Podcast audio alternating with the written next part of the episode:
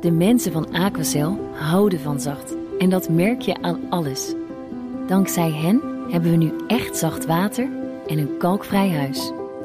Voor hun klanten zijn ze zacht. Dat zijn ze trouwens ook voor elkaar. Voor ons zijn zij de kracht van zacht. Aquacel. 100% zacht water, 100% kalkvrij. De NS wil dat bedrijven ervoor zorgen dat niet alle mensen op dinsdag en donderdag naar kantoor komen. En dan dus op maandag, woensdag en vrijdag massaal thuiswerken. Londen probeert toch weer te morrelen aan de brexit-afspraken met de Europese Unie.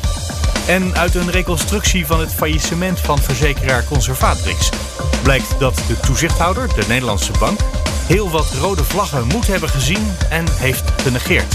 Zodat een Amerikaan die een redder leek, een ridder kon worden. En dan wel een roofridder. Dit is Nieuwsroom, de dagelijkse podcast van het Financiële Dagblad en BNR Nieuwsradio. Met het nieuws verteld door de journalisten zelf.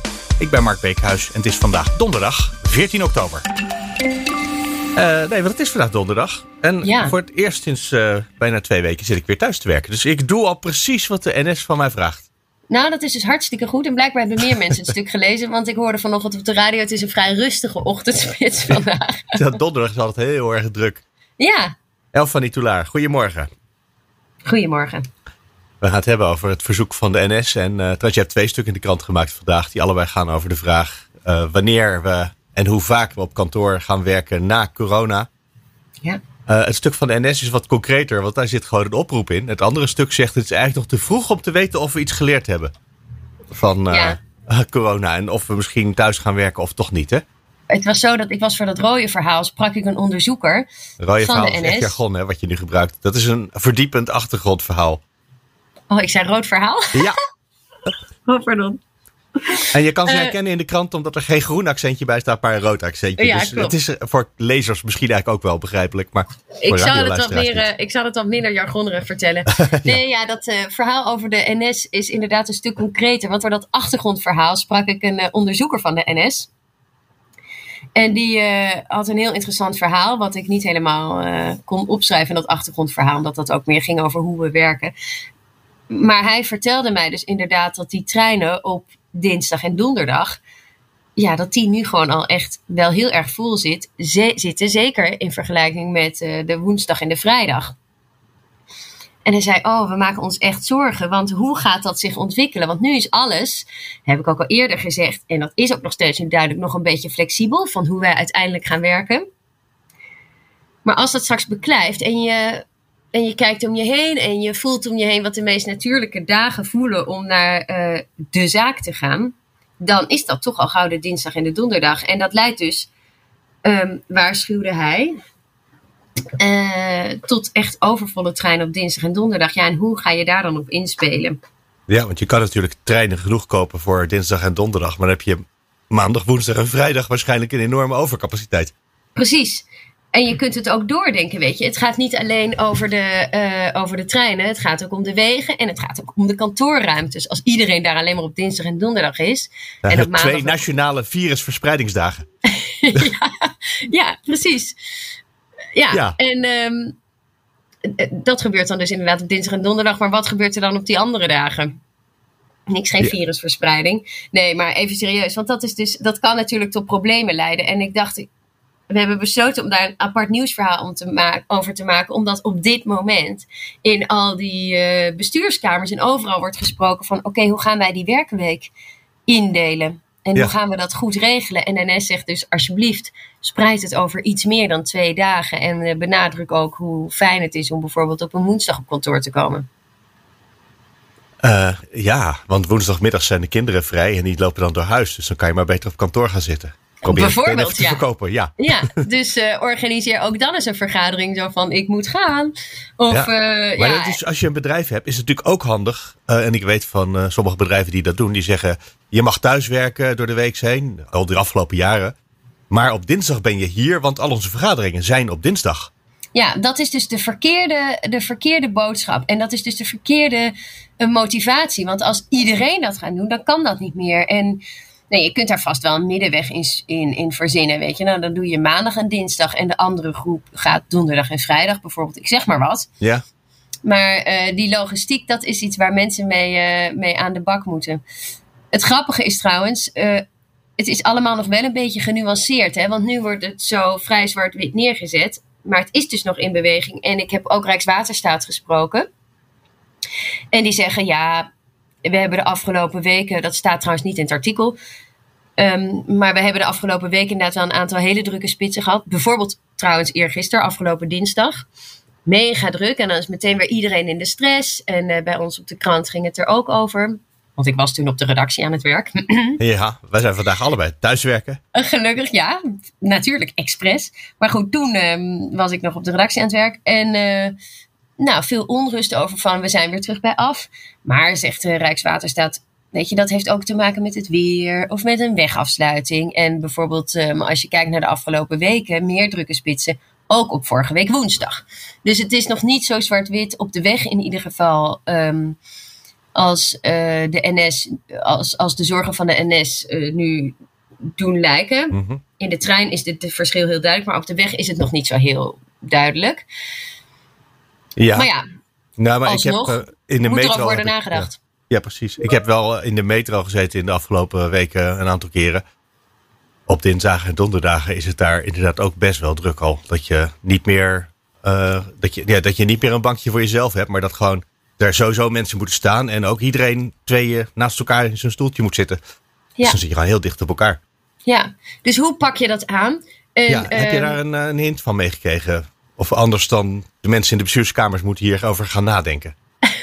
Ja, nou, de, ehm, eh, ja, ik heb eh, vervoers, hoogleraar vervoerseconomie Erik Verhoef geïnterviewd. En die zegt, ehm, en dat zegt hij eigenlijk al vaker, maar hij zegt nu is de kans. eh ga toch een beetje tweaken met die prijs. De NS die wilde daar nu nog verder niet zo op ingaan. Maar kijk, je hebt nu al dal- en piekuren met verschillende tarieven. Dat werkt natuurlijk heel goed. Maar je zou ook kunnen denken, ehm, piektarieven en superpiektarieven, weet je. Dat het dan nog echt net wat, wat duurder wordt. En had hij als plan, kijk, eh, de NS en andere vervoerders sluiten natuurlijk grote contracten met eh, werkgevers. En daarin zou je ook over eh, verhandelbare spitsrechten kunnen praten. Hartstikke interessant. Ik dacht, hoe kan dat dan? Weet je, verhandelbaar en ehm, hoe moet dat dan werken? Weet je, stel, wij zijn directe collega's en ik wil morgen vroeg in de spits op, Moeten we gaan- de zaak gaan zijn en jij vandaag. Ja, Ja. hoe gaat dat? Maar ja, je kan toch dat veel simpeler? Je kan toch gewoon al zeggen, we doen een contract met eh, die hele grote bank of met de FD Media Groep. En dat daar krijg je in principe geen toegang mee op dinsdagochtend. Voor tien uur. Dat kun je zeggen, maar je kunt ook zeggen van nou, ehm, eh, eh, op jou, eh, binnen jouw bedrijf zijn zeg 50 mensen die echt op die spits er moeten zijn. Dat kun je voorstellen dat er functies bestaan waarbij die mensen stipt om half negen naar binnen moeten wandelen. En voor die mensen, die mogen dan in de spits reizen. En als dan een keer Jantje in plaats van Pietje vroeg moet zijn, dan kun je met OV-chipkaarten wel iets wisselen dat, ze, dat, dat Pietje dan eventjes die rechten krijgt. En verder, voor alle andere 3000 contracten, kaarthouders die je afsluit, ja, die mogen dan, eh, die krijgen dan geen korting of die mogen dan niet reizen tussen, tussen 8 en 9 bijvoorbeeld, of Ja. 7 en 8. En dan heb je het in ieder geval voor het spoor opgelost. Ja. Dan moeten we daarna nog kilometerbeprijzing dagafhankelijk maken voor de auto's. ja, nou, ik vind het dus hartstikke interessant. Daar gaan we dus ook verder over eh, praten. Maar ik schrijf over de arbeidsmarkt. En eh, hier, eh, en dit is echt transport, maar daar kun je dus hele mooie kruisverbanden maken over hoe je dat Ja. gedrag van die forens kunt beïnvloeden. Ik zou er wel gevoelig voor zijn, denk ik. Ja, wat denk je? Zouden bedrijven dit aandurven met hun personeel? Ehm, nou, VNO en CW heb ik gesproken en die zeggen, die hebben in hun eh, middellange termijnvisie, zoals dat dan heet, eh, wel iets gezegd van dat dat flexwerken, dat ze dat belangrijk vinden, ook om de druk op wegen eh, en het spoor te verlichten. Dus in die zin denk je, nou, ze zullen daar vast wel voor openstaan en, en, en waarom ook niet? Weet je, niemand wil toch meer die enorme prop om, om acht uur en om vijf uur op de weg. Er Ehm, zit niemand op te wachten. Dus nou ik ja, denk het wel, maar het vergt wel. ik, Hm? ik denk elke keer als ik files hoor, en zeker sinds iedereen door corona thuis moest werken, mensen willen graag in de files, want anders zouden ze wel thuis werken. Dat geloof ik ook. Maar ik geloof dat mensen dat wel lekker vinden. Even die rust in de auto. Ja, precies. Maar niet langer dan 20 minuten hoor. En dat geldt dan voor de weg. En in de trein, nee, niemand wil ooit in een volle trein zitten. Dat geloof ik niet. Nee, daar heb je helemaal gelijk in. Elfa Tulaar, we zijn er nog lang niet over uit. We komen er vast op terug. Tot snel weer. Hallo, Matthijs Schiffers van het Financieel Dagblad. Goedemorgen, Mark. In uh, Brussel. En we gaan het weer hebben over een favoriet onderwerp, de brexit. Ja, en het slepende gedoe rond de Ierse grens. En of de grens nou tussen Ierland en Noord-Ierland ligt. Of tussen Noord-Ierland en Groot-Brittannië. Dat is, uh, dat is de vraag. Ja. de goede en ik dacht, daar hebben we het toch al een keer opgelost, deze? Ja, twee jaar geleden, na, na drieënhalf jaar touwtrekken hierover, uh, lag er een deal. Um, die inderdaad, uh, die, die, die, die betekende dat, dat Noord-Ierland, de Britse regio Noord-Ierland, in een, de facto in de interne markt met Europa blijft. Zodat er geen grenscontroles hoeven plaats te vinden op de landgrens tussen Noord-Ierland en EU-lidstaat Ierland. Die grens kan open blijven. Dat, dat is beter voor de goede lieve vrede in de regio, zeggen ze. In plaats daarvan moeten wel goederen die bijvoorbeeld van Groot-Brittannië, Engeland, Wales en Schotland, om precies te zijn, naar Noord-Ierland komen, gecheckt worden, zeg maar in de Ierse Zee, voordat ze eh, op het Noord-Ierse land eh, aankomen. Want daarna kunnen ze dus zonder problemen doorreizen naar eh, de Republiek Ierland. En het was een plan afkomstig van de Britten, als ik me goed herinner. Ja, dat is eigenlijk op, uh, op voorspraak van de Britten gekomen. Want uh, nu moet ik even terug in de geschiedenis. Uh, de, Boris Johnson was net de nieuwe premier geworden van, van de Britten. En die, die, die, die had een hekel aan het plan dat zijn voorganger Theresa May had uitonderhandeld. En die had namelijk besproken dat nou, als we geen oplossing vinden voor die Ierse grens, dan moet heel het Verenigd Koninkrijk maar eventjes in een douane-unie blijven met de Europese Een tijdje, tot het opgelost is. Precies. Uh, en dat, eh, dat eh, vond Boris Johnson een dusdanige inbreuk op de soevereiniteit van, van de Britten dat hij eigenlijk Noord-Ierland heeft weggegeven. Um, om de rest dan in ieder geval daar, daarvan te vrijwaren. En nou zijn er kwade tongen die beweren dat het plan altijd was om dat later nog een keer op te blazen, die overeenkomst. Ja, want wat, en daar zitten we dan nu in. Nou ja, wat wil de situatie? Brussel zei van oké, eh, jullie willen uit de EU um, ehm, en jullie willen een handelsdeal met ons. Die handelsdeal, daar kunnen we pas over praten als we die Noord-Ierse kwestie uh, geregeld hebben. Dus dan ga je nu met de kennis van vandaag de dag denken, hebben die Britten destijds gedacht, nou weet je, we zetten onze handtekening onder die Noord-Ierse afspraken.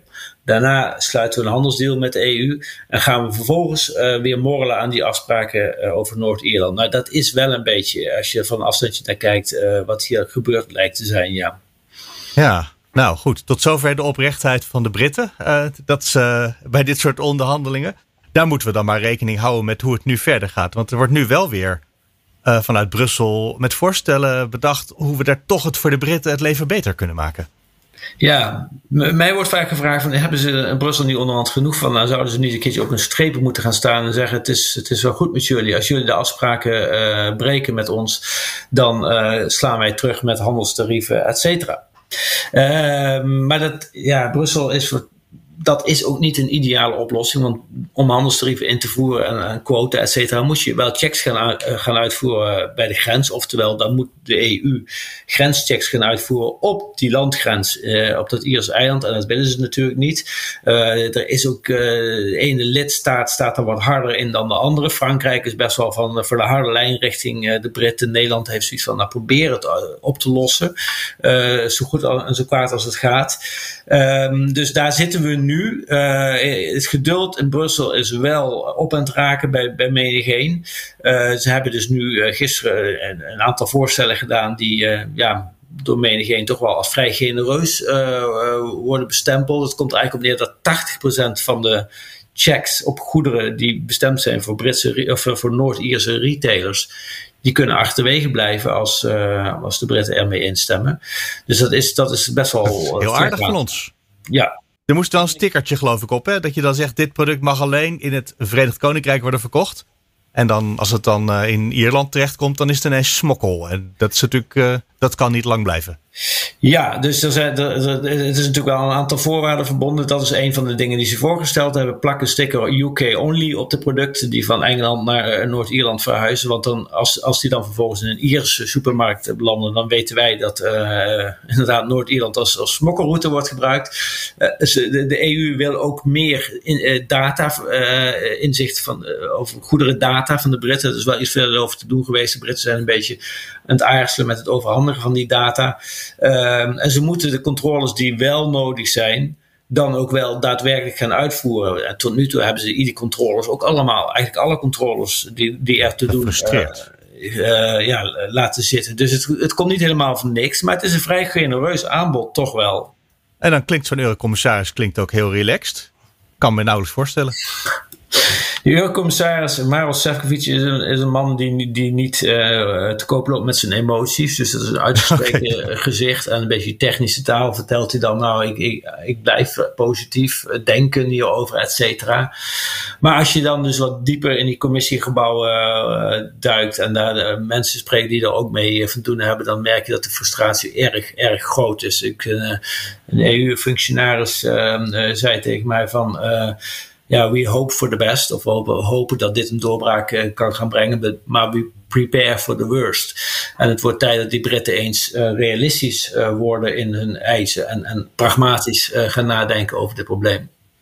Europese ambtenaren die het beginnen te hebben over realisme, dat is geen goed teken voor de Britten. Uh, nee, dat, uh, dat, dat lijkt wel een beetje van het einde. We zijn wel een beetje nu op een punt beland waarvan je zegt: Nou ja, dit is het wel een beetje. Je moet hier wel mee gaan instemmen. En er is er natuurlijk nog één kwestie die, uh, waar, de, waar de Brussel in ieder geval niet op wil bewegen. Dat is het Europees Hof van Justitie. Dat eigenlijk als, als orgaan is aangewezen dat mag oordelen over Europese regels die nog steeds gaan gelden in Noord-Ierland. De Britten vinden dat een inbreuk op hun soevereiniteit en willen dat het Europees Hof van Justitie ook uit die afspraken geschrapt wordt. Dat gaat zeker niet gebeuren? Nee, zeker niet. De brexit uh, is nooit klaar hè?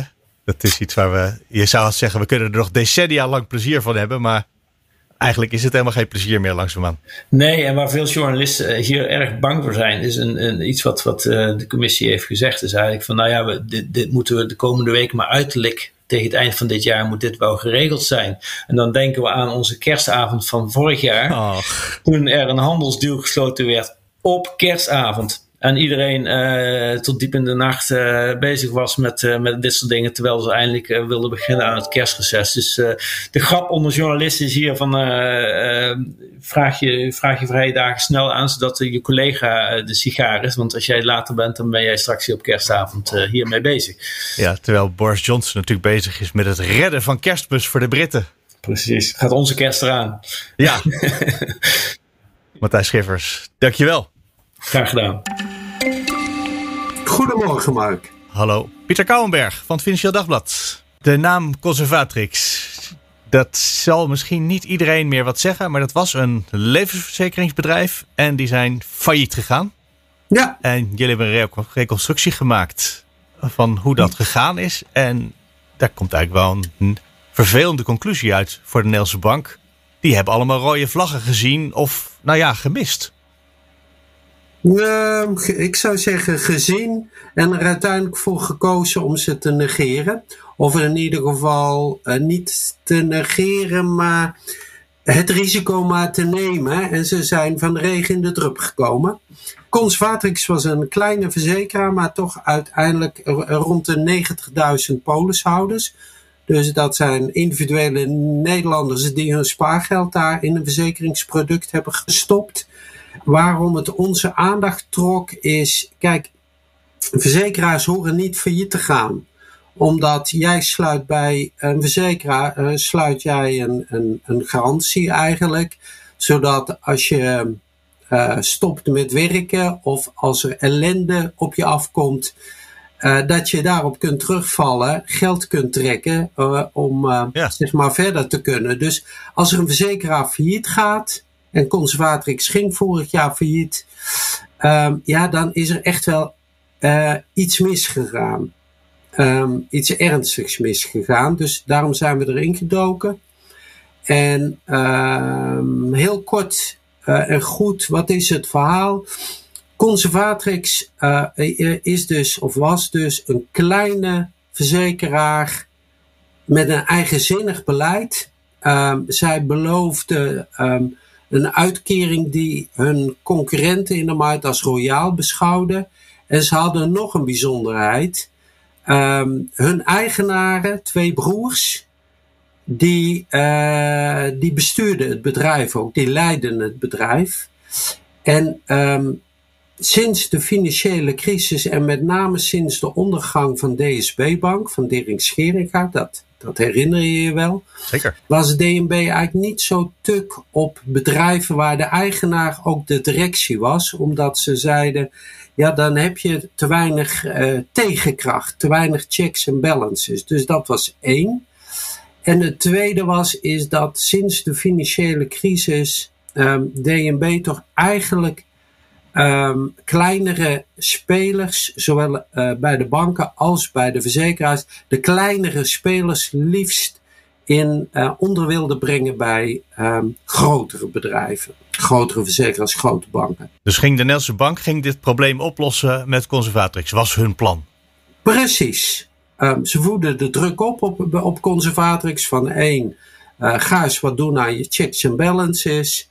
Maar ze wilden ook dat ze hun huis op orde kregen, want uh, Conservatrix had gewoon zwakke risico- en compliance afdelingen.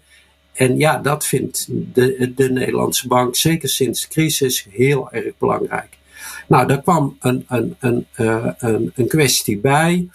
Dat na de crisis hebben ze besloten dat je, zeg maar, je bezittingen en je verplichtingen, dat je die op een andere manier gaat uh, berekenen. Mm -hmm. um, en dat betekende voor Conservatrix dat ze acute in de financiële problemen kwamen. Dat hun, um, zeg maar hun bezittingen onvoldoende waren om de verplichtingen naar hun polishouders uh, na te kunnen komen. Dus DNB zei: ga daar wat aan doen. Uh, zorg dat je je financiële huishoudboekje op orde uh, krijgt. Um, um, de enige oplossing die uh, Conservatrix uh, bedacht was um, tekorten op, op de polissen. Dus uh, zeggen, goh Mark, je hebt een, een, een, een polis bij ons afgesloten, we garanderen je 100. Maar het spijt me Mark, voorlopig kunnen we dat niet waarmaken. Je krijgt 90. Nou, dat vond DNB een slecht plan. ja. Dus DNB, DNB zei, um, ga maar een veilige haven zoeken. Maar ja, dat viel niet mee, want niemand stond eigenlijk te trappelen om, uh, om Conservatrix over te nemen. De enige manier waarop ze het wilden was met die korting op die polissen. En toen kwam er ineens een, een, redder uit de Verenigde Staten. De man heet Greg Lindbergh, zakenman, uh, ooit begonnen met nieuwsbrieven schrijven uh, uh, voor de gezondheidszorg. Daarna um, een, een bedrijvenverzameling uh, bouwen met zorgbedrijfjes en incassobedrijven. En meneer Lindbergh, afgestudeerd econoom aan Yale University, die bedacht: ik heb geld nodig om mijn bedrijven te laten groeien en om bedrijven te kunnen kopen. En waar vind ik geld? Ja, bij een verzekeraar natuurlijk. En toen zag je ineens dat levensverzekeraars hebben heel veel geld um, in bezit. En dat beleggen ze heel voorzichtig, heel prudent in veilige staatsobligaties die ze lang vastzetten. En meneer Lindbergh bedacht: hé, hey, als ik dat geld nou uh, beleg in mijn bedrijven, in andere bedrijven, dan kunnen mijn bedrijven groeien. En dan le uh, levert dat de verzekeraar weer goede rendementen op. Dus uh, twee keer winst. Ja, wacht eens even. Maar dan kocht hij dus een verzekeraar, wat eigenlijk gewoon een grote zak geld is. Ja. Met het doel om dat geld eruit te halen en te steken in zijn andere bedrijven. Nou, de, de uithalen kan niet zomaar. Ja, om te investeren in zijn andere bedrijven. Precies. Misschien moet ik het beter zo zeggen. Ja. En het leuke is, in Amerika mag dat wel. Althans, tot een bepaald percentage. 10% van je beleggingen mag je als verzekeraar uh, in, en dan gebruik ik even technische termen, in onderhandse leningen steken. En onderhandse leningen zijn directe investeringen in bedrijven. Dus hij mocht 10%. Nou heeft hij in 2014, onthoud het jaartal, 2014 kocht meneer Lindbergh zijn eerste verzekeraar. En raad eens wat. Uh, dat was een verzekeraar die in de problemen zat, dus hij kon het goedkoop kopen. Het eerste wat meneer Lindbergh deed, is een afspraak met de, maken met de toezichthouder daar in Amerika. Dat hij niet 10% van die beleggingen van die verzekeraar, maar 40% van die beleggingen van die verzekeraar ah. in leningen aan zijn bedrijf, aan zijn bedrijfjes mocht steken. Heel bijzonder. Nou, um, dat was zijn eerste aankoop. Hij heeft daarna snel wat andere bedrijven gekocht. Maar in 2015 meldde hij zich al in Nederland bij Conservatrix. Hij was namelijk getipt: hé, hey, daar zit zo'n kleine verzekeraar in Nederland met geld. En die hebben ook problemen. Maar je gaat nu toch niet zeggen dat de Nederlandse bank ook hier het oké vond om dan maar 40% aan nee, onderhandse leningen te besteden? Nee, nee, nee, dat deden ze niet. Um, toen hij daarmee kwam, he, uh, heeft de Nederlandse bank hem naar huis gestuurd. Gewoon gezegd: gaan we niet doen, Greg. Dat mag niet in Nederland, dat willen we niet. Maar toen Lindbergh dus wegging, zaten ze nog steeds met het probleem conservatrix en het huishoudboekje dat niet op orde was. En eigenlijk ging het bij conservatrix van kwaad tot erger, omdat Nederlandse, de Nederlandse bank, om de druk te verhogen, conservatrix op een gegeven moment verbood om nog nieuwe polissen te verkopen. Dus je moet het voorstellen, het bedrijf werd eigenlijk in een soort freeze gezet. En gezet, eerst je problemen oplossen en dan mag je weer business doen. Dus toen hebben ze een jaar lang geprobeerd het bedrijf te verkopen aan een verzekeraar, lukte niet. En raad eens wie toen terugkwam. Ja, ik denk dat hij Lindbergh heette. Meneer Lindbergh klopte een tweede keer aan. Dus het water zat bij Conservatrix behoorlijk aan de lippen. Nederlandse bank had behoorlijk buikpijn van uh, uh, het gedoe bij Conservatrix. En zag eigenlijk maar twee opties. Eén, of toch gaan korten op die polissen bij die 80, 85.000 polishouders. Dus uh, jou de boodschap geven, hey, je krijgt geen 100, maar je krijgt 90, misschien wel 80 van je inleg um, uh, terug. Ofwel um, um, toch maar gaan praten met meneer Lindbergh. En, dat en ze hebben de in hun ogen minst slechte optie gekozen. Ze zijn gaan praten met meneer Lindbergh. Maar het interessante is dat ze toen al een rapport hadden gekregen van een forensisch accountant. Dat is een onderzoeker die kijkt, um, nou, of je betrouwbaar bent, of je goed bent voor je geld. En wat bleek er nou uit dat onderzoek? Eén, dat meneer Lindbergh eigenlijk helemaal geen antwoord wilde geven op hun vragen, maar dat meneer Lindbergh betrokken was bij uh, pakweg 20 civiele en strafrechtelijke zaken in Amerika, meneer Lindbergh en zijn bedrijven. En als jij, als ik jou vertel dat de Nederlandse bank bij verzekeraars altijd kijkt of je van onbesproken gedrag bent, ja, dan denk je, hé, hey, dat is geen onbesproken gedrag. Waarom ga je dan toch met hem in zee in de wetenschap dat die meneer Lindbergh een verdienmodel heeft wat eigenlijk in Nederland bij verzekeraars niet kan? Enfin, om een lang verhaal kort te maken. één, Ze hebben die waarschuwingen gewoon terzijde geschoven. Ze zijn met meneer Lindbergh gaan praten, omdat ze dachten: alles liever dan korten op, op de polissen. En we gaan proberen meneer Lindbergh zoveel mogelijk te beperken in zijn actieradius. Mhm. Maar wat was nou de uitkomst van de onderhandelingen? Dat meneer Lindbergh niet 40%, maar wel 20% van de beleggingen van Conservatrix in bedrijven, waaronder zijn eigen bedrijven, mocht steken. En het tweede is, en dat is eigenlijk ook nog wel heel pikant, dat meneer Lindbergh eigenlijk maar heel weinig vers kapitaal in Conservatrix stak. Dus geld waardoor uh, het huishoudboekje er wat beter uitzag.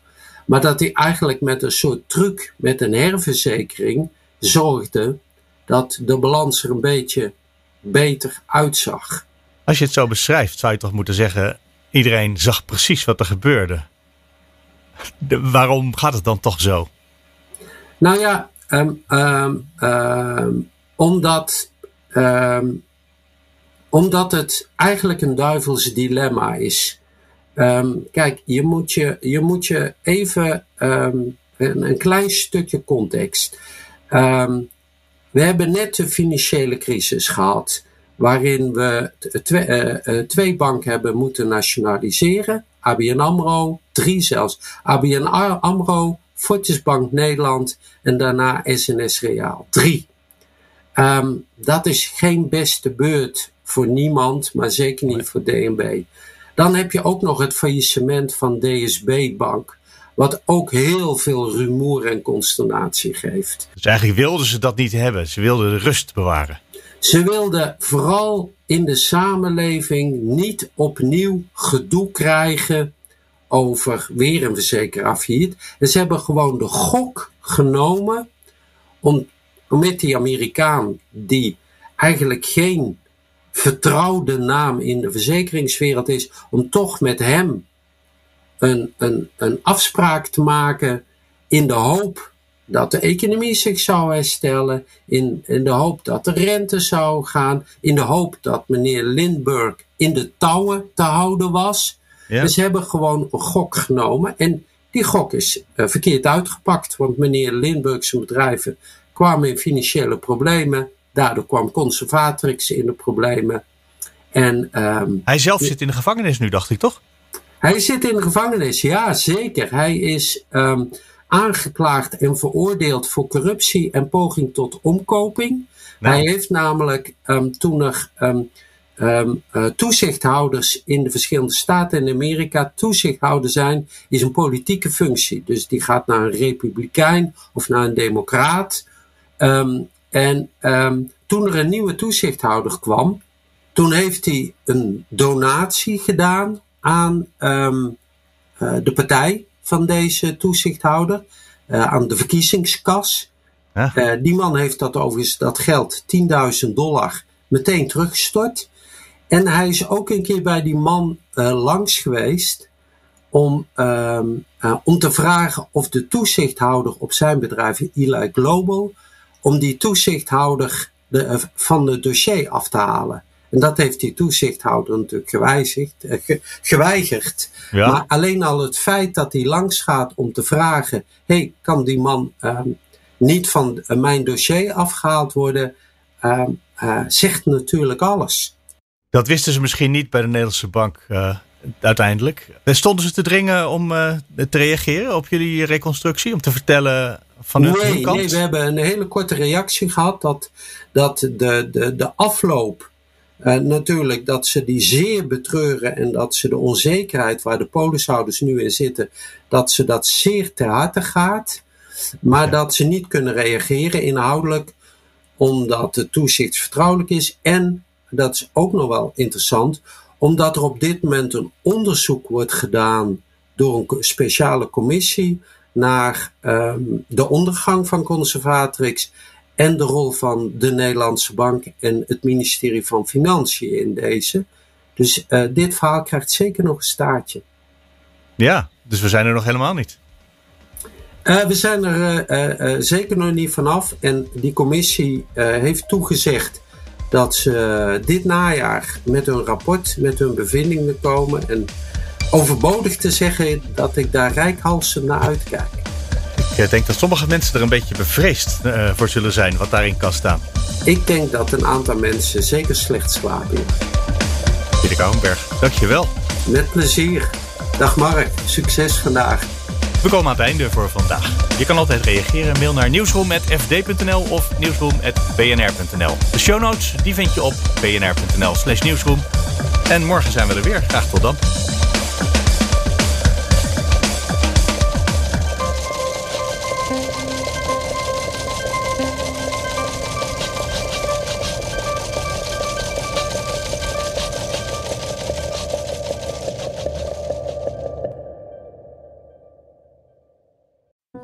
De mensen van Aquacel houden van zacht. En dat merk je aan alles. Dankzij hen hebben we nu echt zacht water en een kalkvrij huis. Voor hun klanten zijn ze zacht. Dat zijn ze trouwens ook voor elkaar. Voor ons zijn zij de kracht van zacht. Aquacel. 100% zacht water, 100% kalkvrij.